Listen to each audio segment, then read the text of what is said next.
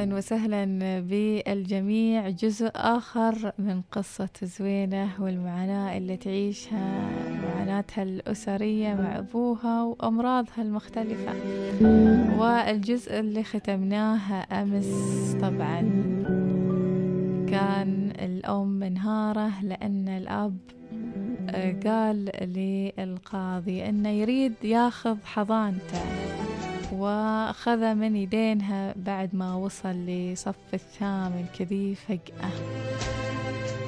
كانت زوينة تقول كانت أمي منهارة لدرجة إنها تعبت من الصياح أخوي اللي كنا مع بعض مثل يدين وحدة والمبدأ اللي ربتنا عليه أمي ليلنا وصباحنا دموعنا ألمنا كلها وحدة. ومكان نومنا وصبرنا وحاجتنا وحدة. وتجي أنت يا غسان تاخذه في لحظة ليش؟ ليش يا غسان؟ ليش؟ ونكمل القصة ونقول مرت فترة وبعدها تقول زوينة طبعا تحكي تقول بعدها خذاني أبوي معه تقريبا بعد ما أخذ أخوي بشهرين. ولما رحت هناك انصدمت بوضع أخوي اللي تغير فجأة وصارت حالته تعصر فؤادي وتدم وتدمع عيني. شفته مهمل في دراسته. يوم يروح المدرسة وعشرة لا وفوق كل هذا قام يتعاطى المضغة. أقصد التبغ الممضوغ. كان أخوي عبد الله ينام بيت ربيعة ما يداوم الصبح رغم أن عمتي الكبيرة الحنونة كانت تشلى معها المدرسة بس كان يهرب في كل مرة.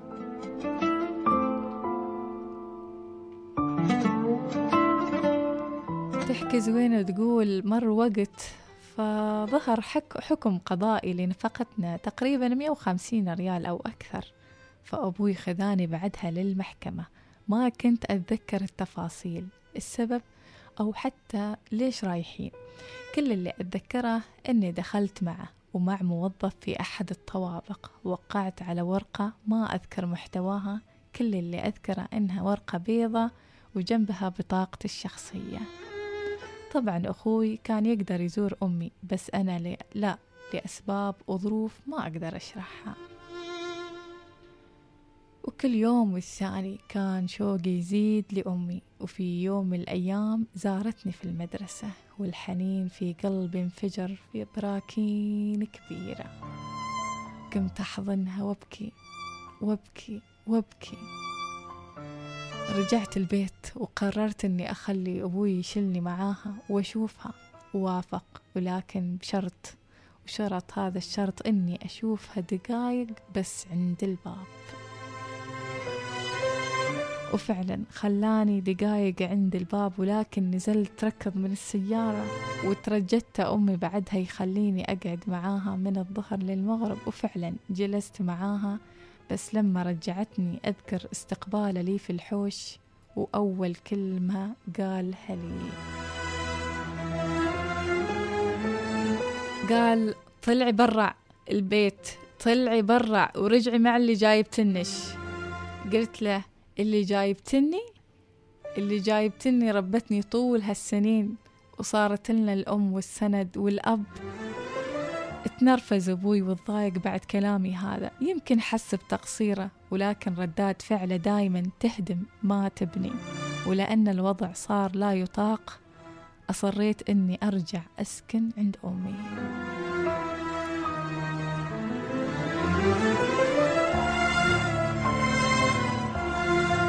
رجعت لأمي وأذكر أني بكيت من خاطري وأمي كانت منكسرة بعد ما عيالها اثنين راحوا عنها. كانت جسد بلا روح ما تاكل وطول الوقت تفكر. نومها صياح وأيضا. كل وقتها صياح ما عارفة ليلها من نهارها.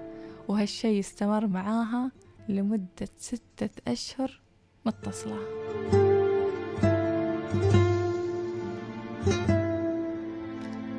تقول زوينة قبل لا أروح قلت لأبوي خلاص أنا ما أريد أعيش معك خلاص. وبالنسبة لأخوي نفس الشيء طبعا. تقول زوينة في قصتها أخوي نفس الشيء رجع بعدي بس بفترة. هو طبعا ما رضى وأول البداية جاني بأسلوب الهدوء إنه يقول لي طبعا أبوها يقول حتى ولو رحتي مع عمك ترى هالحضانة معي ما بتغير وانت بتكونين مع عمك بتزورينها وكلام كثير ما لا يودي ولا يجيب.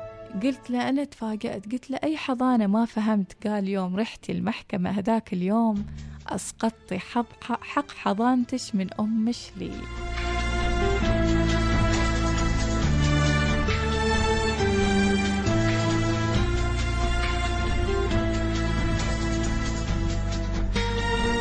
تقول هني أنا وقفت مذهولة وتذكرت الورقة البيضة اللي وقعت فيها.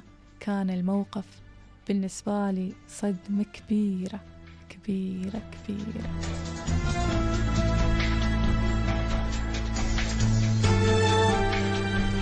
تقول زوينة في قصتها يوم من الأيام انطلبنا في المحكمة من قبل قاضي الاستئناف واحد من جنسية عربية دخلنا عليه.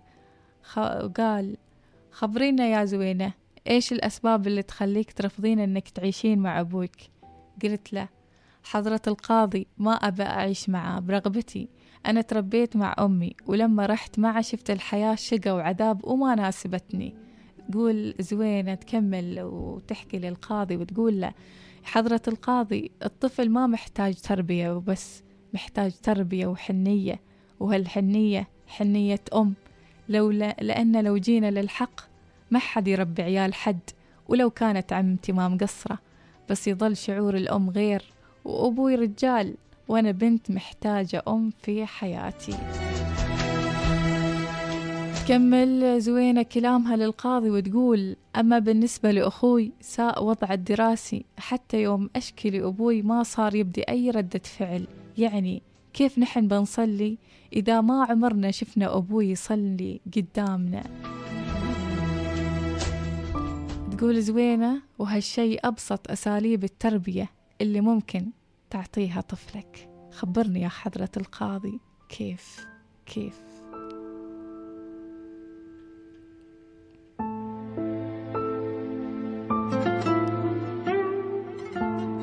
تقول فالقاضي بدأ وهو الكاتبة ينرفزوني. قالت لي أنتم مو بيهال وعادي تربون نفسكم.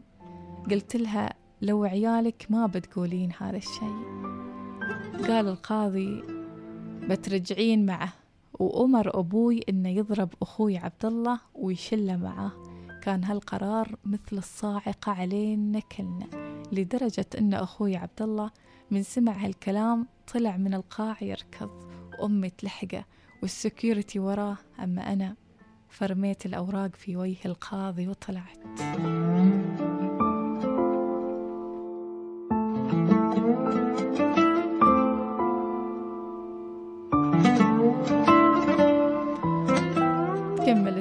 القصة وتقول أمي على طول راحت تشكي في المحكمة العليا ودخلنا على طول عند القاضي خبرناه القصة كلها وسمعها. وأمر باستبعاد القاضي اللي حكم علينا بالظلم من محكمة منطقتنا للأبد. وهذا اللي خلى نار الحقد تفور أكثر في صدر أبوي راح اشتكى في الشرطة. وكنا في بدايات العام الدراسي تقول زوينة تخيلوا عمرها الصغير. تقول أنا كنت صف حادي عشر وأخوي صف التاسع. شكى على أمي إنها سارقة قاصر لأن حكم الحضانة صدر لصالحها. ما مر وقت إلا خالي جاي يشلني من المدرسة ومرينا على أخوي وأمي ورحنا المركز. واللي يضحك في الموضوع إني لين الحين أتذكر ضحكة القاضي وهو يقول يقول ما شاء الله. تو أنتوا المسروقين؟ كذا كبركم؟ غريبة والله. ردت عليه زوينة قالت له نعم وضحك والمشكلة أخذ أقوالنا وقلنا له إن ما مسروقين وإحنا برغبتنا رجعنا لأمي وما أعرف إيش صار في القضية وأحيلت بعدها للمحكمة. وفي ثاني أسبوع من هذا الموضوع يا أبوي يزورني المدرسة طلبوني في الإدارة. وقلت لمعلماتي ما أقدر أطلع ما أريد أشوفه لكن للأسف أحيانا الإنسان يحكم على الظاهر وينسى في كل واحد منا ضيق وهم وألم ما يعرف غير رب العالمين يخبيه عن الكل ويداريه لا ينكسر قدامهم للأسف تقول زوينة للأسف بعض المعلمات تولفن علي يسمعني أسوأ الكلام عني. أذكر قالت لي وحدة منهن أنتي بتدخلين النار. كيف تبين الله يوفقك؟ دامك عاقف أبوك. كان هذا الكلام مثل السهم في قلبي. كيف تقولين عني كذي؟ وأنتي ما تعرفين اللي عشته منه وما عشتن ربع اللي عشته.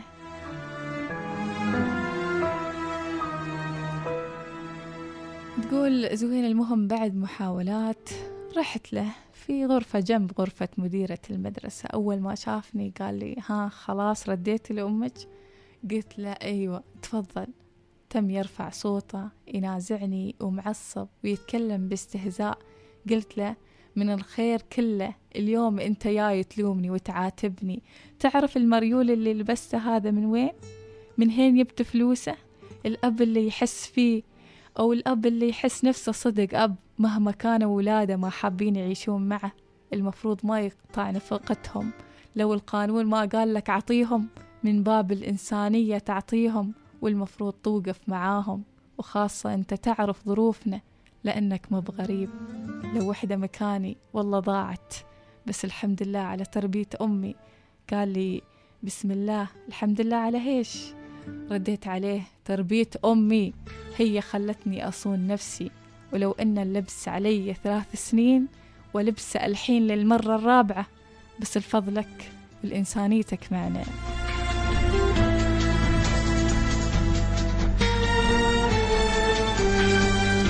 تقول زوينة تخيلوا بدل ما يتأثر من كلامي ويتراجع مسك يديني وضربها على حد الطاولة بقوة. كنت أصرخ كنت أصرخ ما من الألم. كنت أصرخ من القهر والحزن العميق اللي بداخلي على الحال اللي وصلنا له. فجأة واحدة من الإداريات تلحقني وتفض هذا كله تقول زوينة كرهت نفسي. كان مستواي متقلب بسبب نفسيتي الصعبة وعشت ما بين المستشفيات والمحاكم. تقول زوينة يوم من الأيام وهديك الفترة ياتني بنت الله يذكرها بالخير. تراويني محادثة ما بينها وما بين أبوي. يمكن أنتوا تتساءلون وش فيها هالرسايل. لو عرفتوا فتستغربون أما أنا فكان كل شيء معي عادي ومتوقع. يا ترى إيش فيها هذه الرسائل؟ هذا ما سنعرفه في الجزء الرابع إن شاء الله.